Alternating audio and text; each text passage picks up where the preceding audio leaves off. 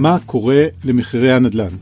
אולי זה אחד מסימני החזרה לשגרה, אולי זה בגלל הציפייה לממשלה חדשה שאולי תקום, ואולי זה פשוט בגלל שאי אפשר להתעלם מהנתונים. בכל מקרה, לאחרונה קשה להתחמק מהשאלה הזאת, והיא מעסיקה הרבה מאוד אנשים.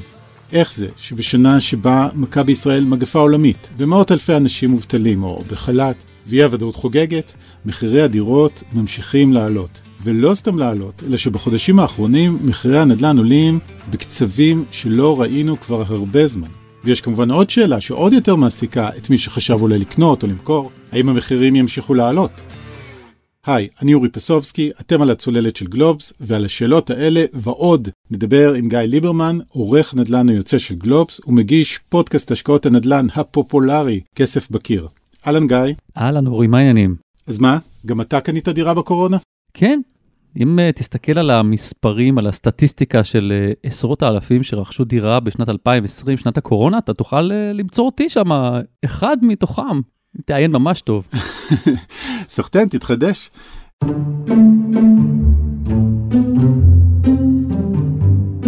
תשמע, אתה יודע, אם נחזור אה, שנה אחורה לתחילת משבר הקורונה, לאווירה ששררה אז, אפשר היה אולי לצפות להתרסקות במחירי הנדל"ן, אתה יודע, כמו שראינו אחרי פיצוץ בועת הדוט-קום והאינתיפאדה השנייה. במקום זה קרה השנה משהו מאוד שונה. נכון, קרה משהו מאוד לא צפוי, ומוכיח פעם אחרי פעם עד כמה התחזיות של הכלכלנים, ולעיתים גם שלנו, העיתונאים, לא פוגעות, ובמקרה הזה לא פגענו. במרץ ובאפריל שהתחילה הקורונה, היינו בטוחים שאנחנו לקראת uh, קטסטרופה. כמובן הסתכלנו כולנו על הנתונים, השוק נעצר לחלוטין, לא היו מכירות של uh, דירות, אני מדבר רק על הנדל"ן. שוק המשרדים נראה שהגיע לקיצו, חללי העבודה, נראה שהמודל הזה לא מצליח, והכל היה נראה קודר. ואנחנו מסיימים את השנה עם מספרים מדהימים, כשכל השוק בעצם תיקן את עצמו מהר מאוד בחודשים יוני, יולי, אוגוסט, פתאום נרשמו פה שיאי מכירות וזה המשיך עד סוף השנה וגם עד עכשיו בעצם. המחירים עלו, אנחנו מסיימים את השנה עם עלייה ממוצעת של 4% לפי נתוני הלמ"ס, mm. והציפייה שלנו, כמה שזה נראה מוזר, זה שהם ימשיכו לעלות. אני מניח שהם לא עולים באותו שיעור בכל מקום. נכון, מה שמפתיע הוא שדווקא מחוז הצפון, שהוא לא נחשב המחוז המבוקש ביותר, דווקא הוא מוביל את עליות המחירים עם משהו כמו 5.2 אחוזים, במחוזות ירושלים, בתל אביב אה, עלייה של 4.6 אחוזים. מי שמורידה את הממוצע לגמרי, זאת חיפה, עם אה, עלייה של אה, חצי אחוז בלבד, שזה אני מדבר על מחוז חיפה. חיפה, העיר עצמה, דווקא שם נרשמו ירידות מחירים. יש לזה סיבות של חיפה, לאו דווקא חזירי הבר שעכשיו עלו לכותרות, אבל העניין של היצע וביקוש בעיקר. אוקיי. עכשיו, אם נעשה זום אאוט חזרה, אתה יודע, שוק הנדל"ן בישראל, מה קרה פה? איך זה שהמחירים עולים? תראה, יש המון המון סיבות, עניינים של היצע וביקוש, דברים אחרים. אני רוצה לדבר על נושא אחד, שאלה המשקיעים, שהם חזרו לשוק, ובגדול, זה התחיל קצת אחרי מרץ ואפריל. למעשה, ישראל כץ, שר האוצר, החליט להחזיר את הגלגל אחורה. אם אני הייתי שנתיים אחראי על הגופים האלה, והמחירים היו עולים ב-16% בתקופה שלי, הייתי מתבייש לבוא לעמוד פה. אני מזכיר לכולם, בשנת 2015, שר האוצר אז הוא משה כחלון, והוא רואה שהמחירים עלו כמה שנים ברציפות, מ-2000, אזור 2007, 2008, 2009, המחירים התחילו לטוס, בחלק מהמקומות מעל 100%, עד אזור 2013-2014, והיה קשה לעצור את אה, עליית המחירים הזאת. והוא החליט uh, לעשות מעשה ולנסות לצמצם את הביקושים. איך הוא עשה את זה? באותם הימים המשקיעים הגיעו לרמה של משהו כמו 25% מהשוק, זה אומר כמעט כל דירה רביעית שנמכרת בישראל נרכשת על ידי משקיעים. הוא העלה את המס על המשקיעים לאזור ה-8%, וזה היה שתי מדרגות, 8% על דירות uh, uh, זולות יותר, 10% לדירות uh, יוקרה, והשוק התקרר מהר מאוד. זאת אומרת, הגענו כבר למצב שתחילת 2020, הגענו לרמות של 12 אה, אחוזים מהשוק, זה משקיעים. ישראל כץ בא והגיע ואמר, אני משנה את הסדר של הדברים. מחירי הנדל"ן זה כבר לא הדבר הכי בוער, אפשר גם לדבר על זה הרבה, קמפיינים של הבחירות ועניינים והכול, והוריד את המס. והמס חזר להיות 5 אחוזים, לפחות לדירות הזולות יותר, ובום, המשקיעים חזרו. זה אומר, הביקושים עלו. כשהביקושים עולים, אנחנו יודעים איפה הכוח נמצא, בצד של הקונים או המוכרים, זה די ברור, וזה אחד הדברים שממש תרמו לעליית המחירים. אפשר לראות את זה במספרים, את הנוכחות שלהם בשוק? כן, זה פשוט די מדהים לראות את זה, איך החלטה ממשלתית אחת משנה מהר מאוד את המצב בשטח, ועוד פעם אני מזכיר מרמה של משהו כמו 12% של המשקיעים בשוק עד תחילת 2020, אמצע 2020, אנחנו עומדים היום כבר על משהו כמו 21%, זאת אומרת אנחנו מתקרבים מהר מאוד לימים שלפני כחלון, ונראה עוד פעם שהמשקיעים, כוחם הולך ויגבר. כלומר, כל דירה חמישית שנמכרה בשנת 2020 נמכרה למישהו שמוגדר משקיע. נכון, אפשר להגיד מאמצע 2020, כי זה התיקון כן. נכנס באזור יולי, אבל mm. כן, אנחנו כבר מגיעים לרמה הזאת כיום. מה שאתה מתאר זה ממש כמו textbook, אתה יודע, אתה מעלה את המחיר לאנשים, הביקוש שלהם יורד, אתה מוריד את המחיר בחזרה, הביקוש עולה, זה פשוט עובד לפי הספר. בול. אני, אני, אתה יודע מה, אני לא בטוח ש, שישראל כץ חשב, או שמישהו ככה אמר לו על האוזן, תשמע, זה מה שהולך לקרות. והם מחפשים הכנסות מכל מיני מקומות, אני מזכיר, mm. הממשלה הכניסה את היד לכיס, והוציאה הרבה מאוד כסף, רצו גם הכנסות. מאיפה יגיעו הכנסות? אנשים פה קונים דירות, אנשים קונים דירות. אה, בואו שיקנו כמה שיותר, וגם משם זה היה אמור להגיע. אגב, מודלים שאנחנו פרסמנו הראו שזה לא יגיע כל כך מהר, אבל אוקיי.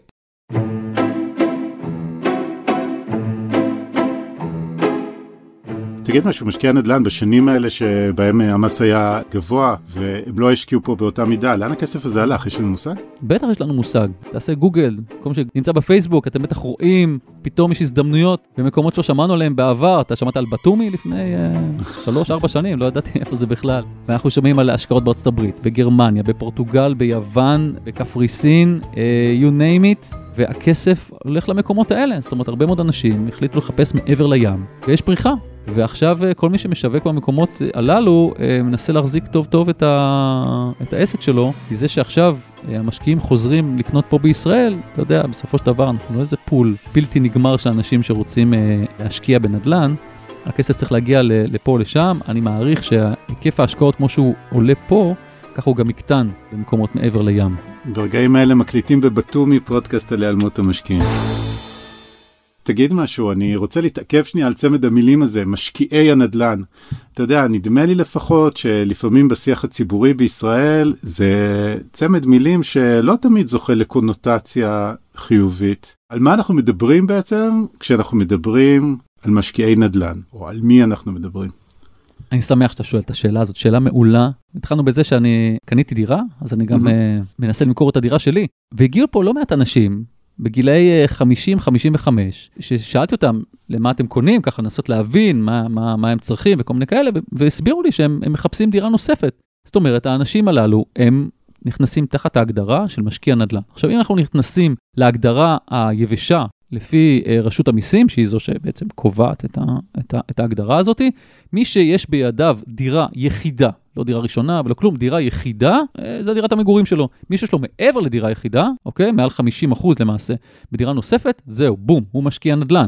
זאת אומרת, יש לו דירה נוספת. זאת אומרת, אם עכשיו, לצורך ההגדרה, קיבלת דירה בירושה, יש לך יותר מדירה אחת, וואלה, אתה סוג של משקיע. אם קנית דירה נוספת, אתה משקיע.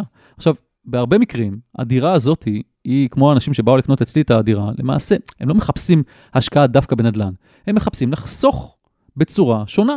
תקרא לזה הכנסה פסיבית, תקרא לזה פנסיה אה, תוצרת עצמית, איך שאתה לא רוצה. לקרוא להם משקיעי נדל"ן, אתה יודע שאומרים משקיעי נדל"ן, אנחנו, אנחנו ישר יש לנו בראש את הדימוי הזה של הבחור עם החליפה והסיגר, עם החיוך הזה ככה אה, בצד של הפה, שככה צוחק על כולנו. אני אומר, זה לא, זה, זה, זה, זה לא כולם, הרוב זה אנשים שפשוט מחפשים לחסוך בצורה נכונה יותר. זה המקום להגיד שיש עוד דרכים להסתכל על המשקיעים. עילית ינאי לויזון, עורכת מוסף הנדל"ן של גלובס, רוצה להזכיר לנו שלפעמים נשכחת העובדה שלמשקיע הנדל"ן יש עוד תפקיד בשוק, חוץ מלהעלות את המחירים. כן, חשוב לי להגיד שאומנם בתקופתו של שר האוצר משה כחלון, המשקיעים בנדל"ן הפכו למוקצים, בפועל יש להם תפקיד חשוב, הדירות שהם מחזיקים או משכירים הן רוב שוק הדיור להשכרה בארץ. אם תקטין משמעותית את מספרם, בעיקר אם זה קורה בעיר ספציפית, הקטנת משמעותית את ההיצע של דירות להשכרה. אני רוצה להזכיר בהקשר הזה שיש בארץ עדיין אפשרויות מאוד מעטות להשכרה לטווח ארוך. בערך 1,200 דירות של דירה להשכיר, החברה הממשלתית לדיור להשכרה, ועוד כמה מאות דירות של קרנות הריט ושל גופים אחרים.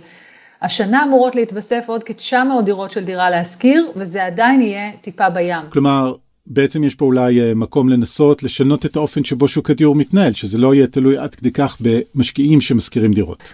צריך לקוות שהממשלה החדשה שתקום תפעל לא להגדלת ההיצע של הדירות בכלל, אלא גם להגדלת ההיצע של דיור להשכרה לטווח ארוך. שדיור להשכרה לא יהיה רק עניין לצעירים, אלא גם למשפחות שלא רוצות לנהל את הילדים בכל שנה-שנתיים מדירה לדירה ומבית ספר לבית ספר. ואגב, כדאי uh, להזכיר אולי שלא רק בעלי הדירות או המשקיעים הם אלה שנהנים מעליות המחירים, יש גם את מי שבונים את הדירות, כלומר חברות הנדל"ן. בשנת 2020 נחתמו 107 אלף עסקאות נדל"ן, ולפי נתוני האוצר זו ירידה של 2% בלבד לעומת 2019. הדוחות של חברות הנדל"ן הציבוריות לשנת 2020 שמתפרסמים בשבועות האחרונים, באמת נראים כאילו לא הייתה קורונה. אני כמובן מדברת באופן כללי, אבל זו הרוח שעולה מהם. הרבה חברות מדווחות שמספר הדירות שנמכרו לא ירד, או שירד בשוליים, וגם ההכנסות לא נפגעו משמעותית, כלומר לא הייתה הורדת מחירים למחירי רצפה. ובהקשר הזה צריך לזכור שהדירות החדשות שנמכרות הן לא הרוב בשוק. 68 אלף מתוך 107 אלף עסקאות היו בכלל עסקאות של יד שנייה, כלומר יותר מ-60 אחוז. אוקיי גיא, בוא נחזור למשהו שהזכרת קודם, גם אם המחירים עולים, זה לא אומר שהם בהכרח עולים אה, באותו שיעור בכל מקום בארץ, והזכרת כבר חלק מהנתונים לגבי השנה החולפת. במוסף הנדל"ן שגלובוס מפרסם השבוע, יש עוד ניתוח. תראה, אפשר להסתכל על זה בהרבה מאוד אה, זוויות, ומשקיעים, אני עכשיו מדבר על משקיעים אה, קצת יותר אה, מתוחכמים או יותר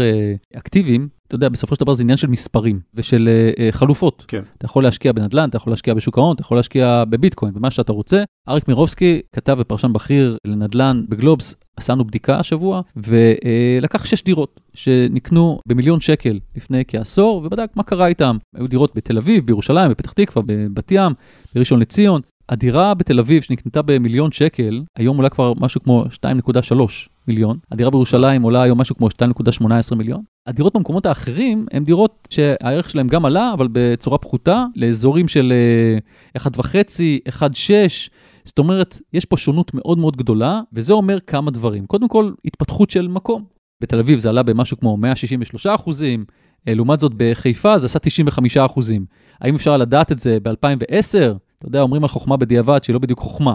אבל כן יש כמה אינדיקציות שחשוב לבדוק כשבאים ועושים את העסקה הזאת, וזה מאוד מאוד נחוץ, וזה תלוי גם איך אתה רוצה להשקיע. זאת אומרת, לא דומה השקעה עכשיו, שאבוא ולשים את הכסף ולהגיד, אני שוכח מהכסף עכשיו עשר שנים, לעומת השקעה שאתה אומר, אני אחרי שנתיים, שלוש רוצה לעשות מה שקוראים למשקיעים פליפ, אני רוצה לקנות, להשביח, למכור, זאת אומרת, ליהנות מעליית הערך. חוץ מעליית הערך, יש גם את הנושא של אה, השכירות, כמה אני יכול לקבל, זה מתורגם לתשואה שנתית. אני רק אזכיר, אם אני קונה עכשיו נכס במחיר X, מקבל עליו שכירות של כמה אלפי שקלים, אני מחשב, אני לוקח את כמה אלפי השקלים האלה, מכפיל אותם ב-12, מחלק את הכסף במחיר שקניתי, ולפי זה אני, אני מגלה כמה תשואה שנתית שעשיתי, יש כמובן פחת, בלאי, הסוחר מתקשר, תחליף לי מזגן, תעשה לי פה, תעשה לי שם, צריך להוריד מזה משהו, אולי גם יש תיווך באמצע, כל הדברים האלה צריך לשקלל פנימה.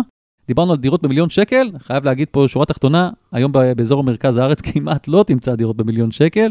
עשינו את הבדיקה הזאת על פתח תקווה, רק על פתח תקווה, עיר שלא תגיד שיא המבוקשת במדינה, לא תמצא היום דירה במיליון שקל, ואם כן, זה באמת דירה אולי בודדה, וזה אומר די הרבה גם כן על השוק. אוקיי, okay, המחירים עלו אה, כך וכך בערים האלה, אנחנו יודעים מה קרה לשכירות? כן, אנחנו יודעים לבוא ולנתח אחורה בחלק מהמקומות, תראה, זה לא תהיה הפתעה לרוב האנשים שמאזינים, אני מאמין שהם יודעים מה קרה פה. בגדול המחירים עלו וגם מחירי השכירות עלו. אני יכול להגיד לך שאם, אה, הנה אני, שכרתי דירה בשנת 2010, בשוליים של תל אביב, דירת שניים וחצי חדרים, 3,200 שקל. להשיג היום דירת שניים וחצי חדרים, לא משנה איפה, בתל אביב או בסביבות שלה, ב-3,200 שקל, יצחקו עליך. כן. זאת אומרת, תכין את ה-6,000 שקל, 6,500 שקל, וזה מחירים שהם ככה נמוכים. המחירים עלו, דווקא פה אין לנו יותר מדי נתונים, אני חייב להגיד ששוק השכירות הוא שוק שהמדינה עדיין לא הצליחה למצוא לנו נתונים, זאת אומרת, יש איזה שהם נתונים בלמ"ס, אבל לא כל כך הרבה, ולכן אנחנו יותר מסתמכים על נתונים של מקומות כמו יד 2, אבל בגדול, מספרי אצבע, מחירי השכירות גם כן עלו מאוד, הם עולים בשיעורים יותר נמוכים מעליית הערך, זה חייבים לבוא ולהגיד, זאת אומרת, גם מי ש, שמאזין לנו, אני חושב שהוא... והוא שוכר דירה או שמכיר, כולנו מכירים מישהו ששוכר דירה, אף פעם לא בא לבעל הבית, אומר, אוקיי, השנה אני מעלה לך ב-300 שקל, ושנה אחרי זה בעוד 300 שקל, ושנה... כאילו זה לא קורה.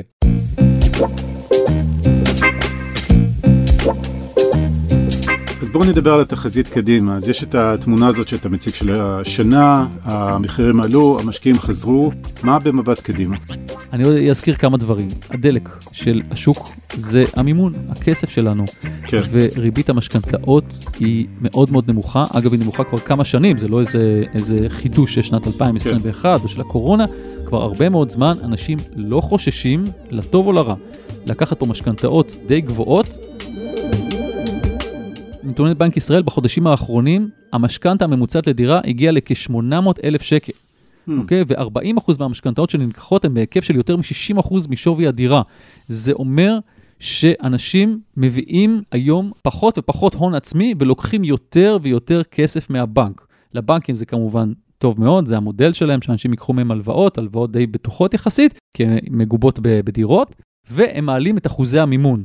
דיברנו על זה ששנת 2020 הייתה שנת שיא בלקיחת משכנתאות כוללת, קרוב ל-100 מיליארד שקל, וגם זה שאנשים לוקחים הלוואות בהיקפים יותר גבוהים. זאת אומרת, חלק גדול של הכסף מגיע מהבנק. שזה אומר בעצם שהם מוכנים לקחת יותר סיכונים, או שהם מרגישים שאין להם ברירה לקחת את הסיכון, כי המחירים עלו, ואם הם לא ייקחו משכנתה גדולה יותר, אז הם פשוט לא יהיה להם מספיק כסף לקנות. אבל נכון, אני חושב שזה שני הדברים, גם המחירים עולים, אתה צריך להביא יותר כסף, אבל גם אתה, אתה די בטוח בזה שאתה תצליח להחזיר את הכסף. בהסתכלות קדימה, כל הכלכלנים, הרוח הנושבת מבנק ישראל, מהבנקים וכל מי שמדברים איתו בשוק, לא צופים שריבית המשכנתאות תעלה, הרי זה מתורגם ישירות לגובה המשכנתה שאנחנו נצטרך להחזיר כל חודש. מה לגבי הצעדים האחרונים של בנק ישראל, איך הם אה, ישפיעו בשנה הקרובה? בנק ישראל, אני מזכיר, ממש בסוף שנת 2020, די הפתיע את השוק כשהוא ביקש בעצם להרחיב את מגבלת הפריים במשכנתה. הפריים, אני מזכיר, זה המסלול בעצם הזול ביותר. הבנקים נדרשו להיכנס לזה די מהר, וכבר ב-17 בינואר השנה ניתן לכל השוק, חוץ ממחזרי המשכנתה, להעלות את אה, מגבלת הפריים עד לשני שליש מהמשכנתה. אני חייב להגיד שלא כולם ניצלו את ההטלווה הזאתי, ואנשים העלו את הפריים עד למשהו כמו בממוצע, אני חושב, לקחו עד 40 אחוז. זה אומר שבחודשים הקרובים, מכיוון שבנק ישראל ממשיך ללחוץ על הבנקים שלא משחררים עד הסוף את ההנחות, אנחנו נראה שה, שהמשכנתה אולי אפילו תהיה זולה יותר מבחינת ההחזר החודשי. כמובן, אם הריבית תעלה בעתיד, מה שעוד פעם, אנחנו לא צופים את זה בזמן הקרוב, זה ישפיע כמובן על ההחזרים שהם יקפצו אה, למעלה, אבל כרגע עוד פעם לא רואים את זה, לכן גם המשכנתאות, עוד פעם, הן ממשיכות להיות זולות, אולי אפילו טיפה לזולות יותר. כן, זה כמובן עוד יכול לקרות שהריבית תעלה, אבל מי יודע.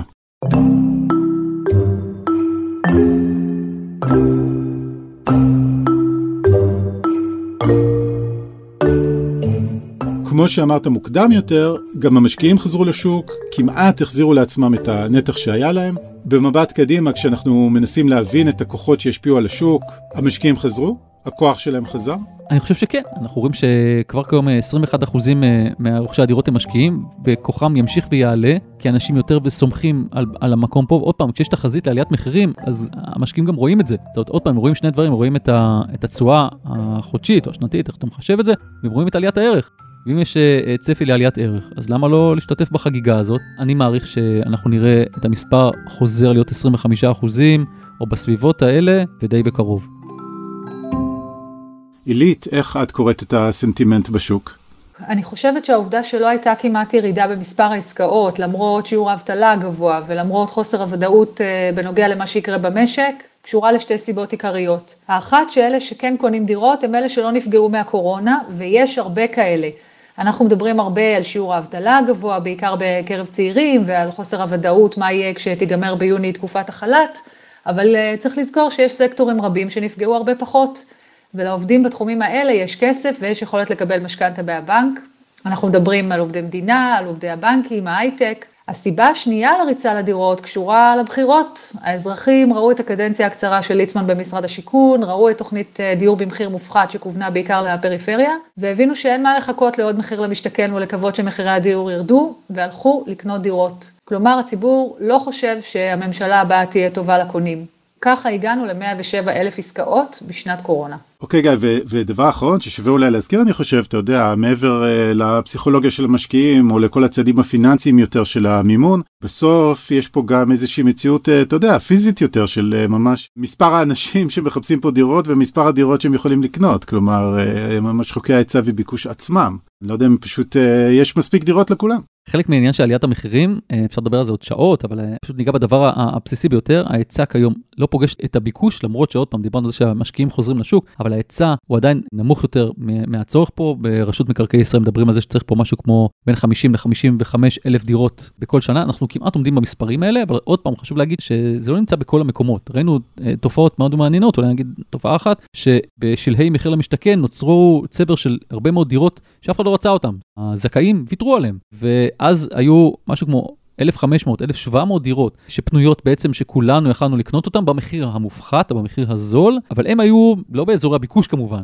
לא בתל אביב, לא בירושלים, הם היו בפריפריה. פתאום ראית 400 דירות בקריית אתא, 400 דירות בעכו, איזה 300 דירות בבאר שבע, מקומות כאלה ש, שאף אחד לא רצה אותם, עוד פעם, במחירים הזולים, מה שאומר שההיצע צריך להיות גם נכון באזורי הביקוש, ואין מה לעשות, לא סתם קוראים לזה אזורי ביקוש, הם באמת uh, מבוקשים. אז לא רק שיהיו מספיק דירות, אז שיהיו מספיק דירות במקומות הנכונים.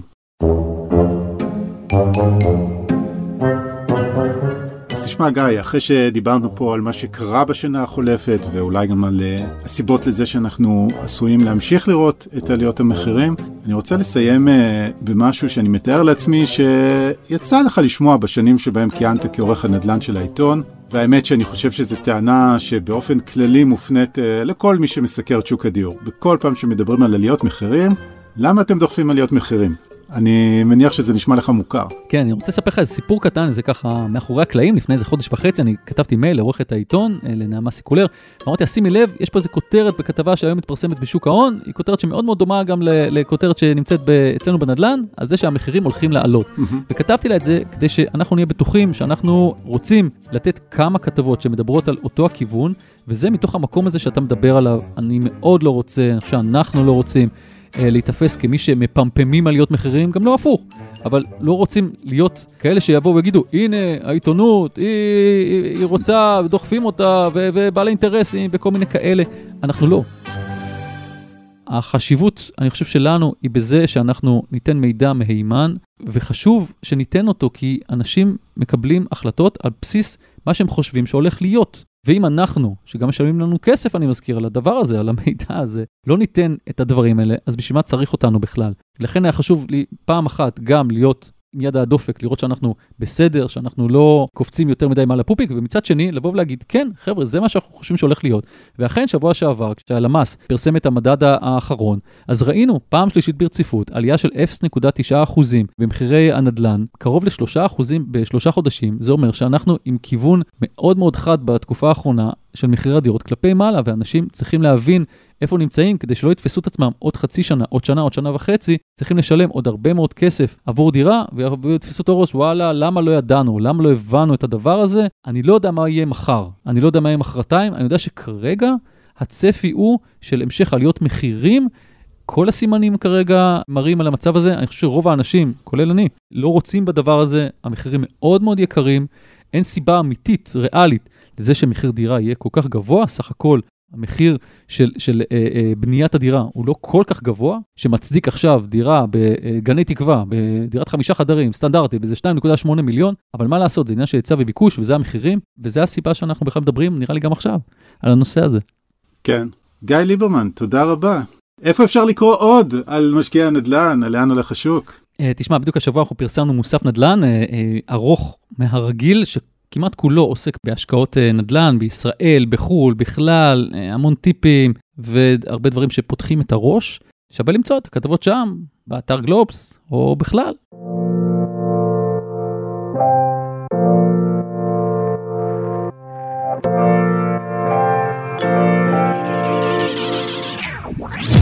ועד כאן עוד פרק של הצוללת, אתם יכולים למצוא אותנו באתר גלובס, בספוטיפיי, באפליקציות הפודקאסטים האהובות עליכם, וכמו תמיד אתם מוזמנים לדרג אותנו גבוה, ואם אהבתם את הפרק, אתם מוזמנים לשלוח אותו לחברה או חבר ששואלים את עצמם מה הולך לקרות למחירים.